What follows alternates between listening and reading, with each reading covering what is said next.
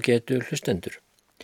Skeiðarársandur er eitt óvistlegasta og ílfærasta svæði á landinu, ekki síst á dimmum vetrardögum þegar allra veðra er von. Og örlög skiprótsmanna sem strönduðu þar á sandinum á fyrir tíð urðu oft hörmuleg. Þar strandaði skip Kára Sölmundarssonar árið 1020 eða þarum bil þegar hann var á leið til Íslands og varð að leita hælis í öræfum hjá óvinni sínum Flossa Þorðarsinni og þar fórst árið 1667 stort vopnað hollenskt kaupfar heit Vapen van Amsterdam og þar druknaði fjöldi manns.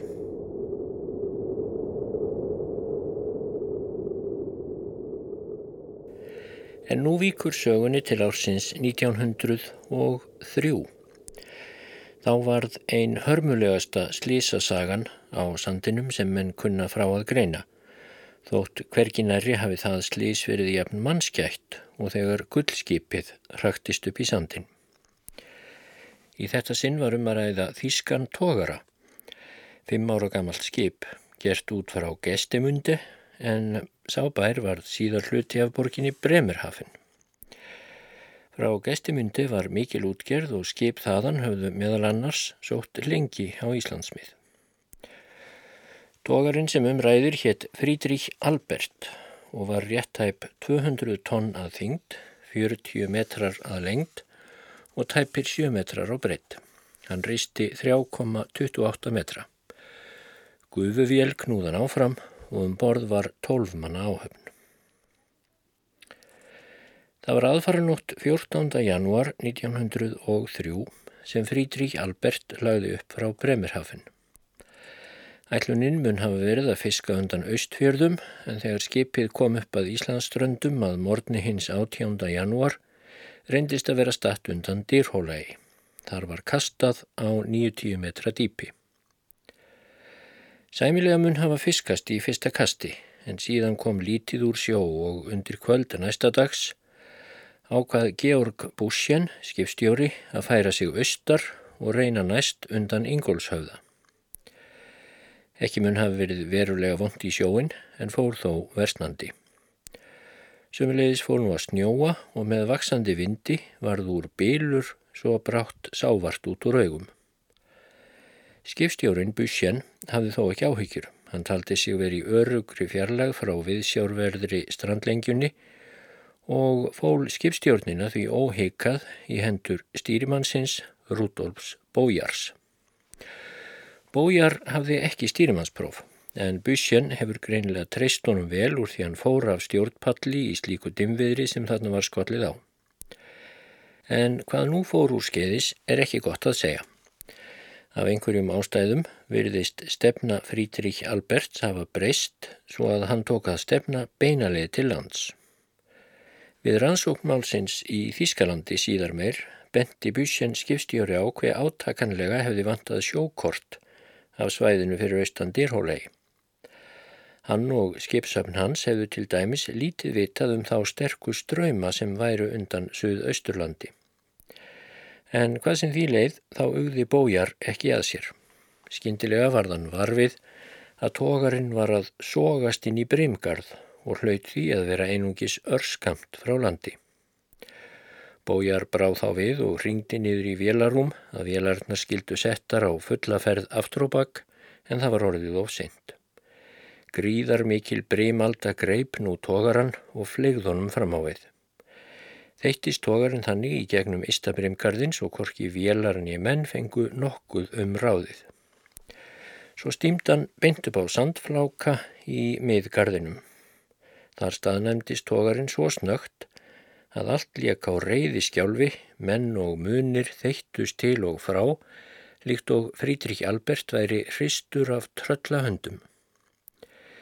Engin úr áhöfninni mittist þó við þær aðfarir og mátti það heita mikil mildi.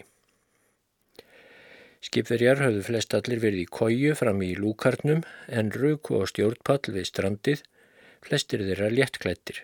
Frídrich Albert stóð þá upp réttur á strandstaðnum og snýri stefni í land. Miklir breymskablar gengu yfir hann en það hafði verið háflóð þegar hann strandaði og breymið náði því vel yfir Ista sandgarðin. Ástandið hefði auðvitað verið mun verra ef tógarinn hefði leið flatur fyrir breyminu en nógu skjelvilegt var það samt. Brátt tóku að brotna rúður í stjórnpallinum og ímislegt annað í yfirbyggingunni að láta undan. Sjór var farin að fossa niður í skipið og bæði lestar og vélarúm þegar orðin hálf full. Margir úr áhefninni munu hafa séð sér þann kostvænstan að klifra upp í reyðan fyrir aftan stýrisúsið til að fara ekki á kaf í verstu brimsköflunum. Ekki sáum en hver langt var til lands. Tógarinn gæti hafa strandað á sandfláka sem gægðist upp úr grunnsæfinu á þessari síbreytilegu strandlengju en langt gæti verið upp á raunverulegt fast land. Í næturmirkrinu og snjóhríðinni sem henn geysaði var ílt að meta stöðuna og því afrið búsjen skipstjóri að skiprátsmenn skildu býða þess að fjaraði út í morgunsárið áður en næstu skref yrðu ákveðin. Hýrðust þeir svo á stjórnpallinum eða í reyðanum og höfðu þar illa vist, blöytir og kaldir, þar sem ekki þótti fært fram í lúkarinn eftir skjólfatnaði vegna brímsins sem enn gekk yfir Frídrík Albert af fullum krafti. Miða við þá kald rakninga sem sjómeninnir áttu í vendum var dvölinn þarna á stjórnpallinum þó eins og barnaleikur, hvað sem leið brotnum rúðum sem kaldur sjórin guðsaðist innum þegar stærstu brímöldurnar gengu yfir tógaran og brotnuðu á skroknum með þvílikum hamagangi að jafnvel þeir sem lengst höfðu klöngrast upp í reyðan urðu gegn drepa hvað eftir annað. Um tvöleitið um nóttina var farða að falla út og brímöldurnar náðu þá ekki lengur yfir Frídrik Albert. Þá fóru menn fram á kvalbakk og reyndu að skima gegnum dimmuna til lands. Væntanlega hefur þá verið hægt að snjóað mestu, að mista kosti um skeið, því ella hefðu vart sést handa skil þarna um miðjanótt. En nú sást nokkuð greinilega að svo stutt var upp í fjöruna að óhætt gæti verið að vaða þangað. En það var þó engin leikur og það tók skipverjana marga klukkutíma að komast allir upp á fast land en þurft var það land ekki. Sagt er að litlu hafi munað að að minnstakosti tveir þjóðurina druknuðu en allir náðu þó að lokum heilu og höldnu upp í sandfjöruna fyrir ofan staðin þar sem Frídrik Albert hafi strandað. Þeir voru þá allir mjög þreyttir og þrekkaðir og blöytir. Svo virðist sem þeir hafi verið svo hrættir um að tógarinn myndi brotna og hverri stundu eða snúast við í breyminu og fara á hliðina að þeir hafi ekki haft rænu á að ná sér í skjólflíkur niður í lúkarinn nýja heldur nokkrar vistir sér til næringar. Það var sem sé komið langt fram á morgun, þriðju daginn 20. janúar, þegar skiprótsmennir 12 stóðu þarna á ströndinni og reyndu að átta sig á í hvaða átt skildi halda. Þeir höfðu mjög takmarkaðu hugmyndum hvernig háttaði á þeim stað þar sem þeir voru lendir enda sömu sandarnir hvert sem litið var nema í söðri þar sem brímið barði sandin. En eflaust hafa þeir gert sér vonir um að þeir eruðu brátt úr allri hættu. Þeir þyrstu aðeins að ramba til mannabygða sem fyrst, þá er því hlúðað þeim og þeim hjálpað til að komast aftur heim til Þýskalands. Engur staðar í nákrinninu hlitu að vera bæir.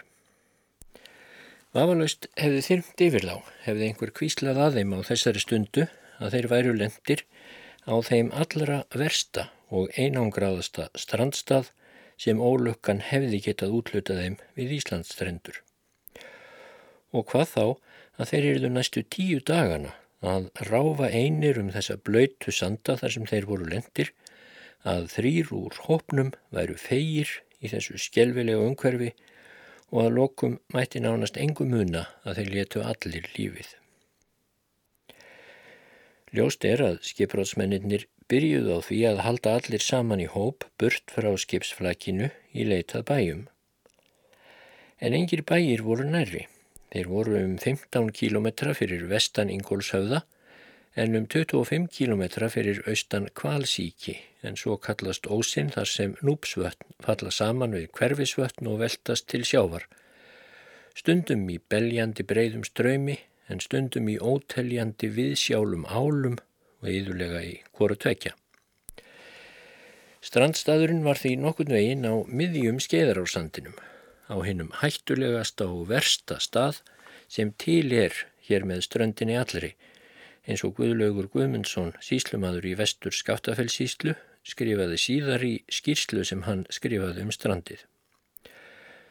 Guðlaugur bendi á að upp frá sjó til jökuls eða fjalla, þar sem sá vegurlægi sem farin væri á sömrin, væru nálega 30 kilometrar og þó enn lengra, skrifaðan, til mannabegða á kóra hönd sem farið er frá strandstaðnum. Og auk þess gangandi mönnum alófært því kvalsíki er öðrum eigin, auk fleiri ósa og skeiðar úr útföllin hinum eigin en vötnin nú alrauð, engin mann heldur ís á þeim. Það varði nefnilega enn til að bæta á ógæfu skiprótsmanna af Frídrik Albert að þótt þeim yrði næstu daga afar kallt úti á skjóllausum sandinum, þá var í raunin ekki mikið frost. Það voru stormar og storfiðri nálega allan tíman sem þeir hýrðust á sandinum, stundum auðsandi rikning, stundum jél, stundum snjór og stundum lemjandi hagl, svo þeir skulfu af kulda og reyndu ákaft að leita sér skjóls bak við hvert melar barð sem varð á vegið þeirra en kuldin var þó hverginari nægur til að hæja svo á rennandi vatninu í fljótunum að það myndaðist ís sem yfirmætti ganga. Þvert á móti þá gerði vassveðrið fljótin jafnvel enn ófærari en þau hefðu verið í venjulegu ári og má nú segja að allt hafi lagst á eitt til að gera raunir þjóðverjana sem grimmilegastar. Guðlaugur síslumadur helt áfram í skýslu sinni um strandstaðin á þessa leið. Hérlendir menn sem eiga reka rétt á fjörum á þessum stöðum austan kvalsíkis en vestan skeiðarár fara þangana er aldrei um há vetrartíman og telja frágangsök vegna vegalengdar og hættu að fara á fjörur þær nema þá að mann heldir ísar séu yfir öllum þessum mikla vatnafláka framann til á sandinum en annara vegur en þeirra er fjörustunda liggur aldrei þar um, korki sumar, njevetur. Kunnugir segja að frá næstu bæjum við skeiðarársand séu mennað minnstakosti fjórar til fimm klukkustundir fram á fjörurnar, þó að Ísalög séu yfir öllu og riðið sé greitt og má að því ráða kvílikar vegarlengdir þetta eru. Ekkert kemur fram um það í skýrslum hvort skigni var einhver tíman bærilegt þann tíma sem skiprótsmennir 12 voru á sandinum. Ef skigni hefði verið gott, þá hefði Öræfajökull í öllu sínu veldi blasað við þeim í norðaustri og líklega ekki verið físilegur viðfangs. En undir jöklinum var samt bæið að finna og ef þjóðverjarnir hefðu gert sér grein fyrir því er líklegt að þeir hefðu tekið þann kost að halda þegar í stað upp með skeiðará og öllum hennar álum og reynaði að finna leið til að komast yfir á eistri bakkan. Þaðan hefði leiðin verið tildurlega greið til bæjana í öræfum. Þótt njála sé stuttorð, þá var þetta sennilega leið Kára Sölmundarssonar og félaga hans þegar þeir mistu skipsitt á sandinum. Kanski hefðu þjóðverjarnir þurft að fara alla leið að upptökum árinnar við skeiðrárjökul en þó verður að telja líklegt að þeir hefðu fundið vað öllu fyrir. En hvort sem um var að kenna lélegu skikni og vondu veðri eða þá ókunnuleika á svæðinu þá áttuðu þjóðverjarnir sig ekki á þessari leið. Þeir þorðu í fyrstu ekki að yfirgefa strandstaðin með öllu, heldur gerðu sér þar bækistöðvar og hrúuðu saman skíli úr tunnum og ymsu öðru sem rak úr flaki Frídrich Alberts, þar á meðal brotnum skipsbátnum. Síðan fóru þeir í stuttar leitarferðir út frá strandstaðnum sem tóku nokkra daga. Munu þeir hafa reynd að komast yfir skeiðar á í námynda við strandstaðin en það var ógjörningur á þessum stað og því held næsta stefnulítið þram þeirra áfram um sandana næstu daga. Í því blöytveðri og dimmum stormum sem einlægt ríkti þessi dagrin var erfitt að stöylast um í seinfærum sandinum og smátt og smátt dróa af þjóðirjánum. Nætturnar voru hræðilegar þegar kuldin nýsti inn að beini í rennblöytum fötunum þótt frostið væri kannski ekki nómargar gráður til að mynda ísa og ánum. Nokkrir mannana höfðu um síðir hætt sér um borði í flakið af Frídri Hjalbert og náð þaðan í eitthvað af skjólfatnaði og svolítið af vistum en það var þó afar takmarkað magn. Fyrst og fremst þurft skonrokk og svo svínaflott. Engin vafið er á að þetta hjælt mönnunum á lífi á þessum hrakningi en fara varð mjög sparlega með vistirnar. Busjan skipstjóri hjælt fullri stjórn á skipshöfn sinni og bæði kvölds og morgna fekk hver maður um það byrj lúkufylli af skonrokki og svo lítið af svínafittunni. Á nóttunni let bussjan menn sína hópast saman til að halda hita hver á öðrum en þegar fór svo að kólna eftir nokkra daga varð jáfnframt að gæta þess að menn væri ekki reyfingar lausir of lengi. Því urðu allir að spretta reglulega á fætur og reyfa styrða kalda límina til að reyna að koma í vekk fyrir kall. Þannig leið hver dagurinn af öðrum Skiprótsmennir ráfuðum um sandana, reyndu að vaða árnar en allt án árangurs. Oftast völdust þeir í skílinu á strandstaðum nættur en fyrir kom þó að ekki náðu allir þangaða kvöldi og lágu þeir þá úti á sandinum yfir nóttina. Það vildi til að sjaldan var mikið frost en samt sem áður var kuldin bitur fyrir þessa röktu menn og smátt og smátt fór að draga af þeim. Lífsþróttur sumramannana var þó enn óbugaður þeir voru sannfærðurum að bjargast fyrir enn síðar. Og þetta síðasta er úr bókinni Þrautgóðir á raunastönd sem skrifuð er upp úr skýrslum um þessa hörmungar atbyrði. En sá lífsþróttur sem held í þeim lífinu fyrstu dagana eftir strandið var þó óðum að hverfa. Þegar þjóðverjarnir gáðuslóks upp á því að reyna að komast yfir skeiðará í austri og bendu aðtikli sinni vestur, þá leiði ekki á löngu þar til þeir komu að hinnum miklu núpsvötnum sem voru síst minni farartálmi. Þeim virtust allar bjargir bannaðar. Það mun hafa verið að morgni 28. janúar eftir að þeir höfðu flækst þarna um sandinn í meira en viku sem stýrimadurinn Bójar hvarf á braut. Þegar þeir voru spurðir um þetta setna þá voru þjóðverjarnir fáorðir. En milli línana í orðum þeirra mátti þó lesa að eitthvað ógnarlegt hefði gengið á um nóttina. Nú var farið að kólna verulega og þrek mannana mjög að minka og líklega hafa þeir verið farnir að horfast í augvið að kannski myndu þeir allir bera beinin á þessum endalösa blöyta og kalda sandi. Og þá hefur reyðin blossað upp í þeim, reyðin í garð þess nærtæka sektarlamps sem var bójar stýrimaður. Það var jú á hans vakt sem Frídrik Albert hafði stímt upp í fjöru. Þessar ógnarlegu hörmungar voru honum einum að kenna. Ef hann hefði verið á verði þá hefði ekkert strandorðið og þeir væru núna sjálfsagt búnir að fylla skipið af fiski og komnir aftur langleiðina frá Íslandi heim til Þýskalands. Þetta hafa þeir farið að skamma bójar fyrir þessa ógnarnótt, einhverjir þeirra eða allir. Og þótt að fari fáum sögum að því hvort og þá hverju hann svaraði fyrir sig, þá endaði með því að bójar raug burt út í nóttina. Hann rópaði til þeirra eitthvað á þá leið að hann skildi þá komast yfir árnar í vestri og þaðan til mannabegða og verða þeim til bjargar, þeir skildu bara sjá. Svo kvarfan út í kuldan og myrkrið og jelin og sást ekki framar. Eftir að stýrimaðurinn var farin ákáðu hinnir strandmennir að halda á eftir honum og freysta þess að komast yfir fljótin, þar að segja núpsvötn, á fleka sem þeir gerðu sér. Bundu þeir saman tunnur og festu þær við spýtnabrak. veldu þeir síðan þessum fleka undan sér eða dróan á eftir sér í áttað fljótinu og var það mikil þrekraun fyrir þess að þjökuðu menn.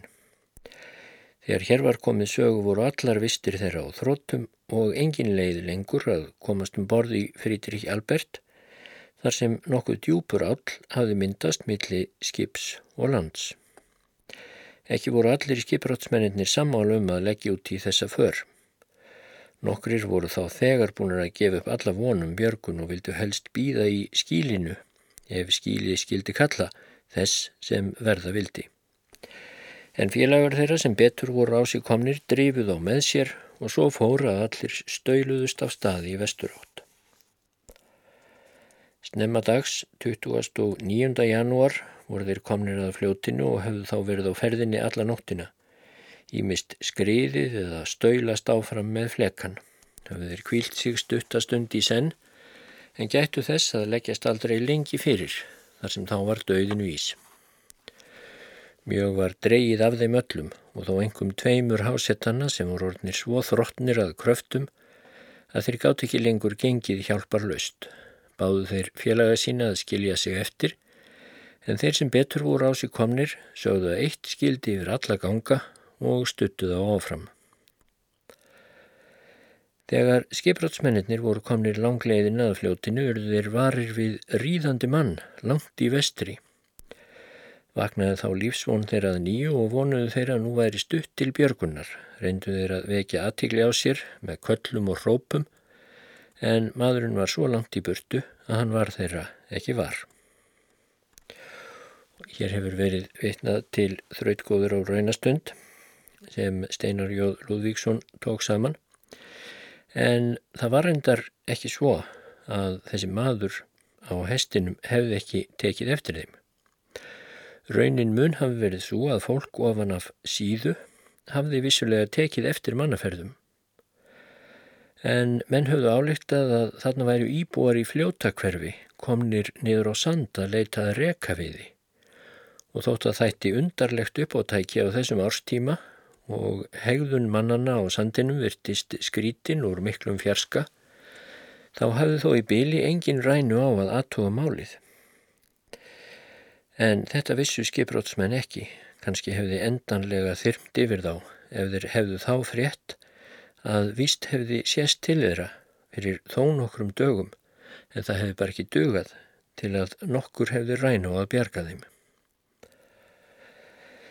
Vindur var einnig vestlægur þannig ekki var von til að til þeirra hyrðist gegn vindinum.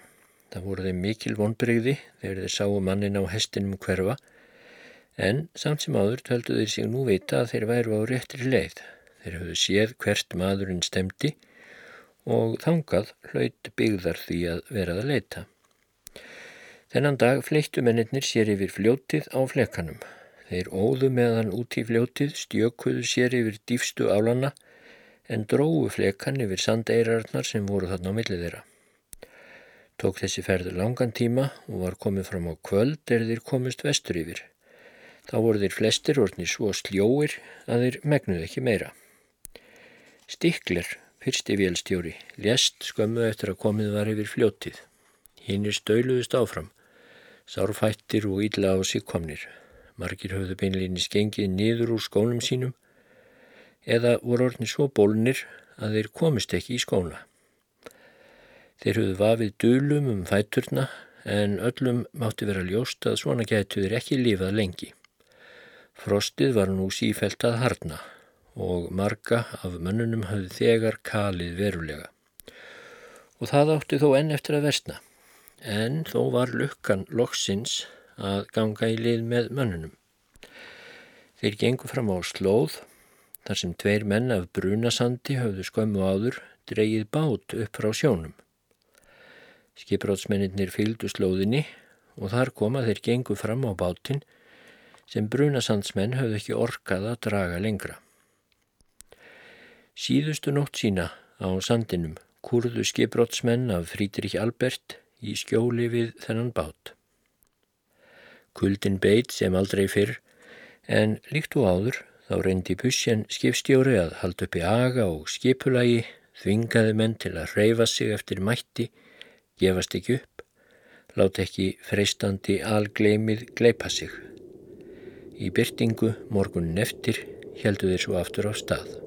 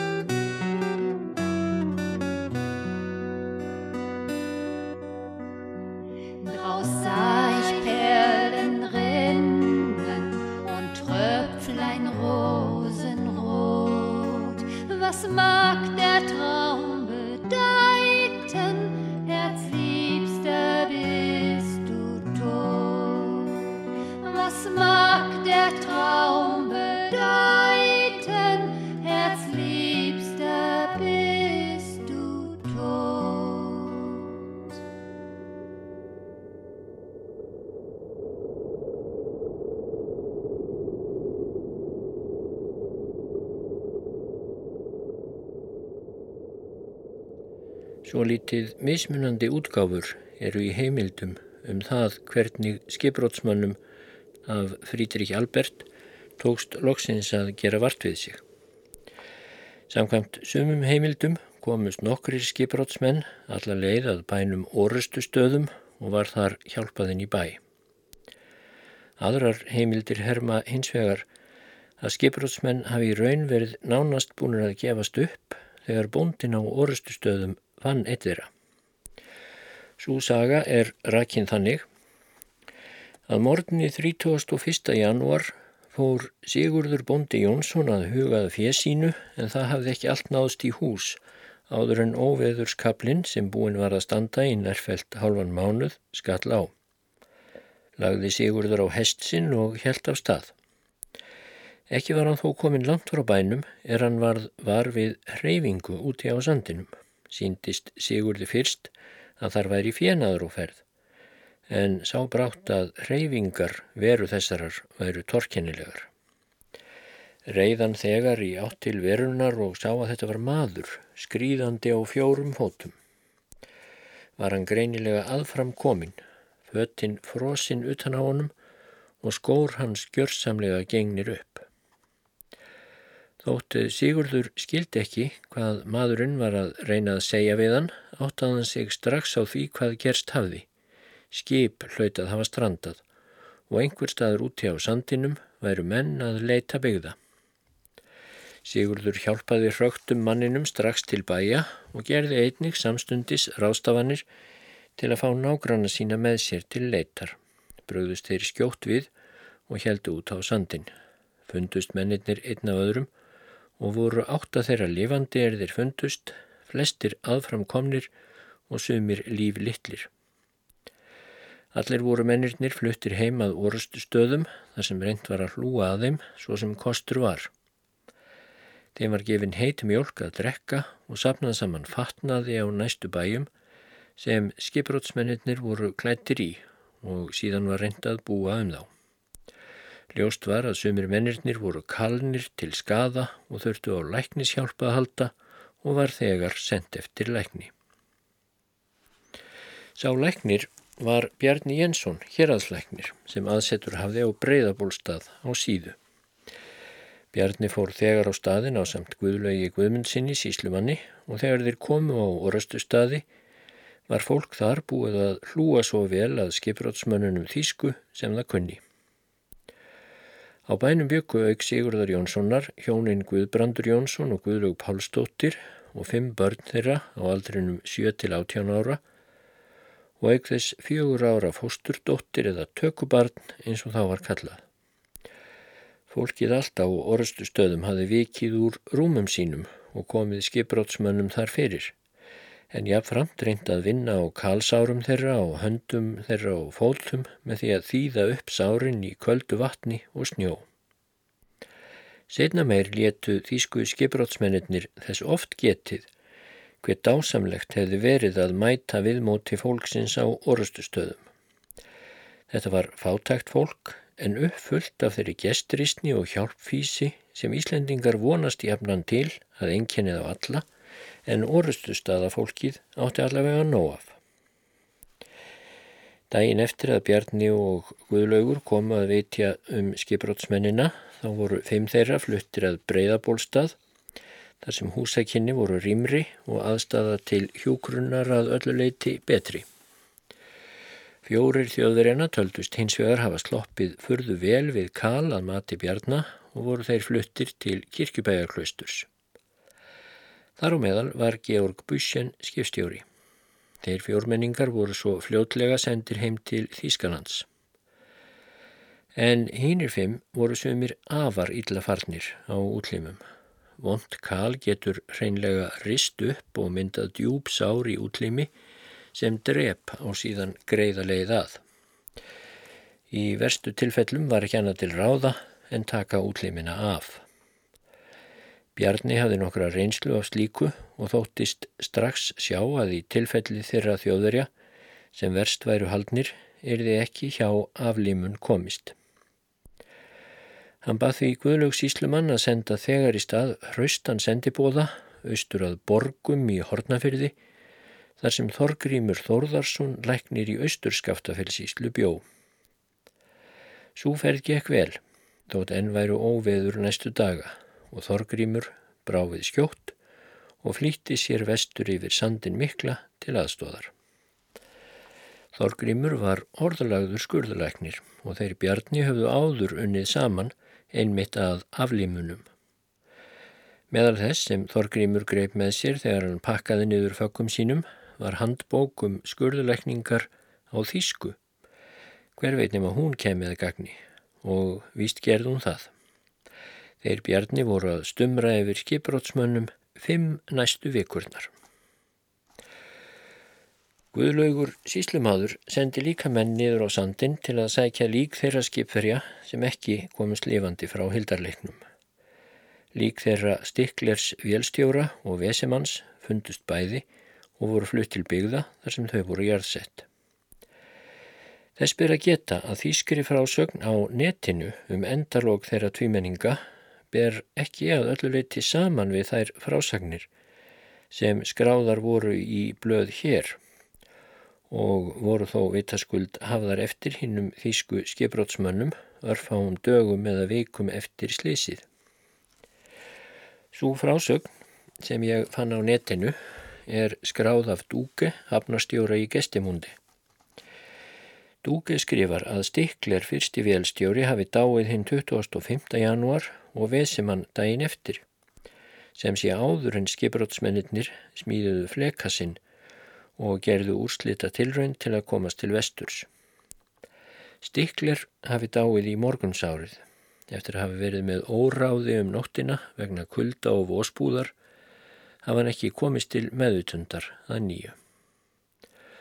Um Vesemann segir aðeins að eftir að hópurinn hafi skipt liði um tíma hafi Vesemann kroknaður kulda við að reyna að vaða ískalda á.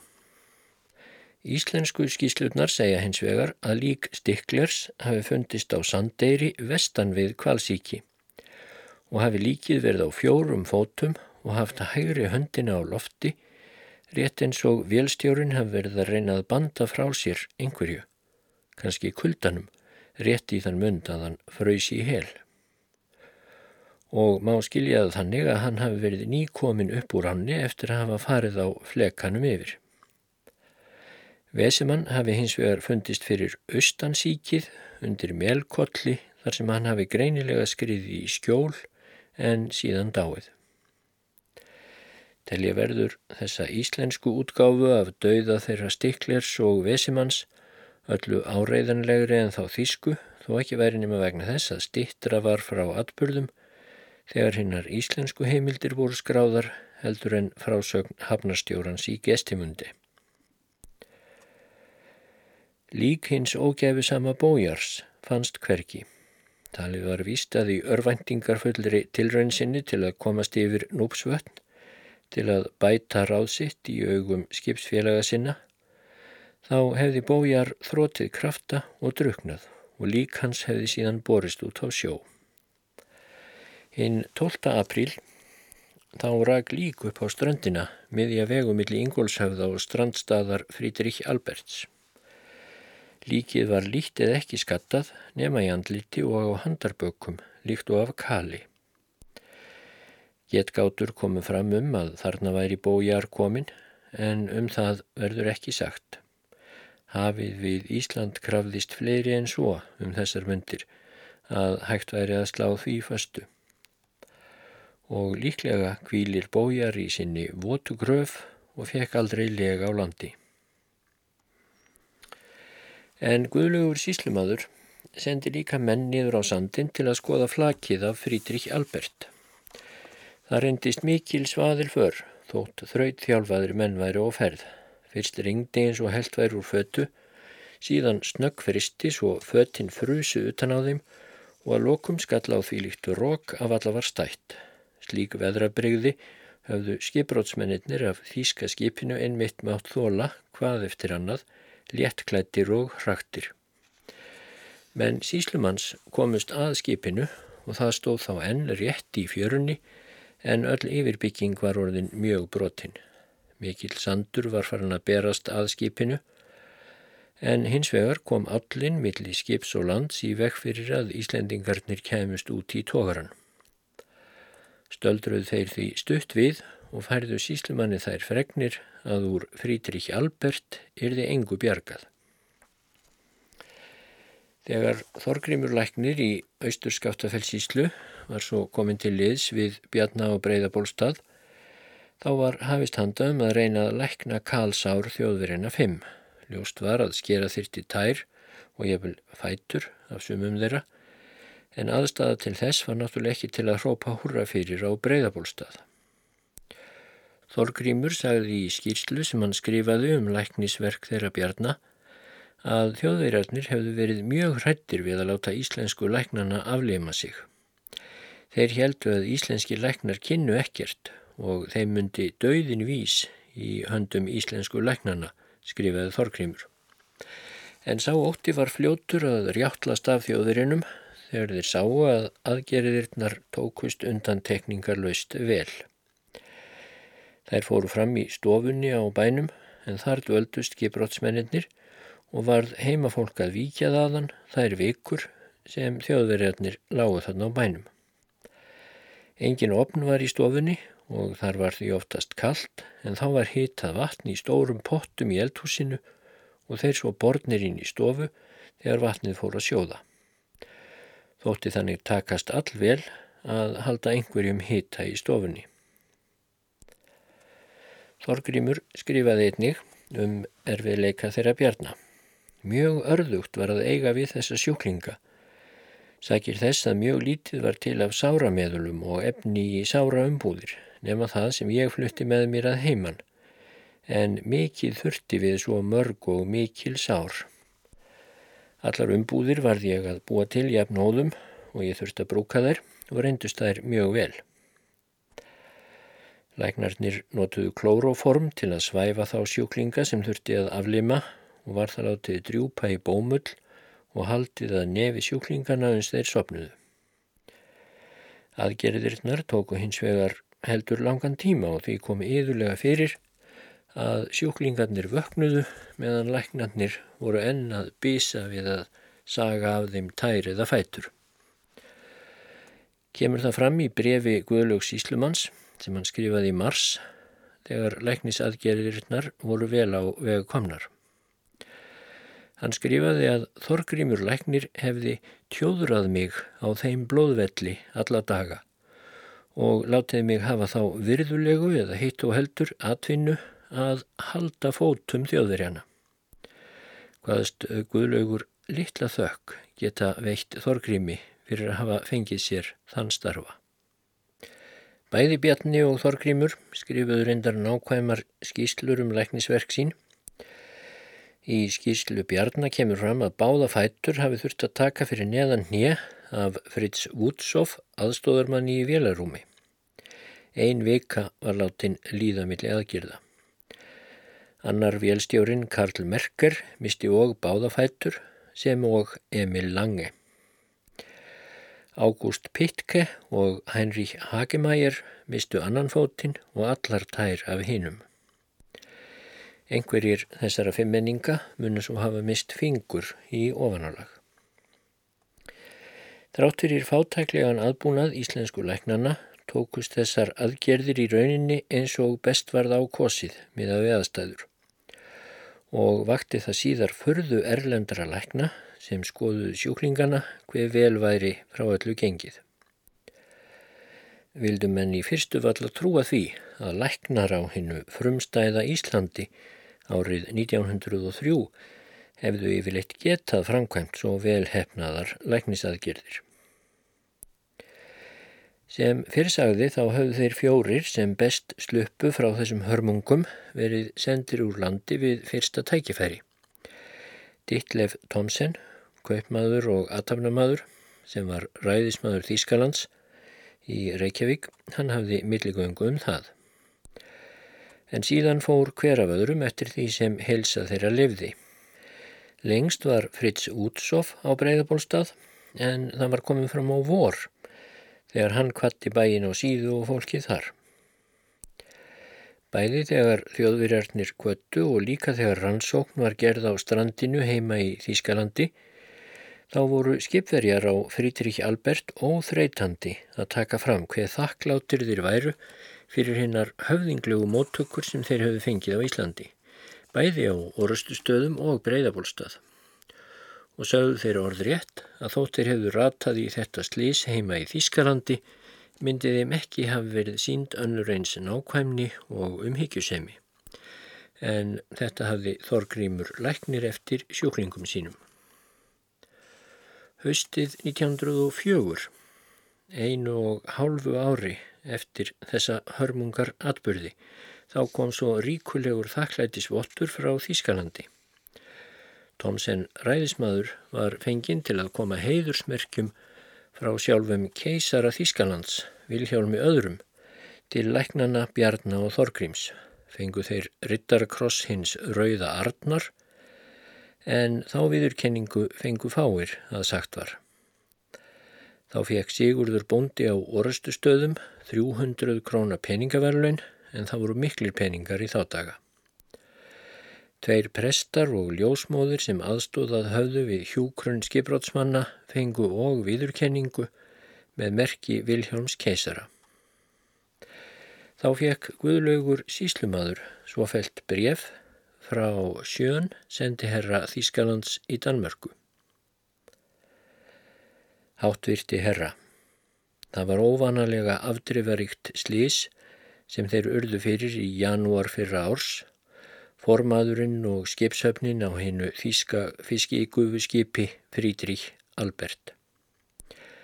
En af þar gerðum skýrslum sést að með framúrskarandi haganlegum ósérhlýpnum og vinsamlegum hætti hafi þér, hávelborni herra, gert allt sem gert varð í svo miklum örðugleikum til þess að hjálpa þeim ógæfisömu mönnum er urðu fyrir þessu áfalli til þess að láta þá njóta nákvæmrar hjúgrunnar, til þess að bjarga lífi þeirra úr hættu og veita þeim aftur hilsuna eftir því sem verða mátti. Þar með hafi þér, herra síslumadur, á samt þeim löndumíðar sem til björgunar voru kvattir, en á ný sínt göfugmannlegt dæmi vinarþels, hreitnar mann ástar og fornfrægurar norrætnar gestrisni. Munu landar mínir kunna innilegar og ógleimanlegar þakkir fyrir þessar velgjörðir. Nú er um sinn lokið hinnum langvinnu rannsóknum er af slísi þessu hlutust. Vill því stjórn hins hátigna keisara einnig innan af hendi sínar þakkir. Er það mér hinn mesta gleði er mér hefur verið falið á hendur að skýra yfir frá því, hávelborni herra síslumadur, að keisarastjórnin metur mikils og kanniður hjartans þakkir fyrir ósérlífni yðar sem er til jafn mikils sóma yðar eigin landi og hinulandinu sem fest hefur heiðursmerki sitt á brjóstiðar. Hafið ástarþakkir frá mér, hávelborni herra og verið vissum mína dýfstu virðingu.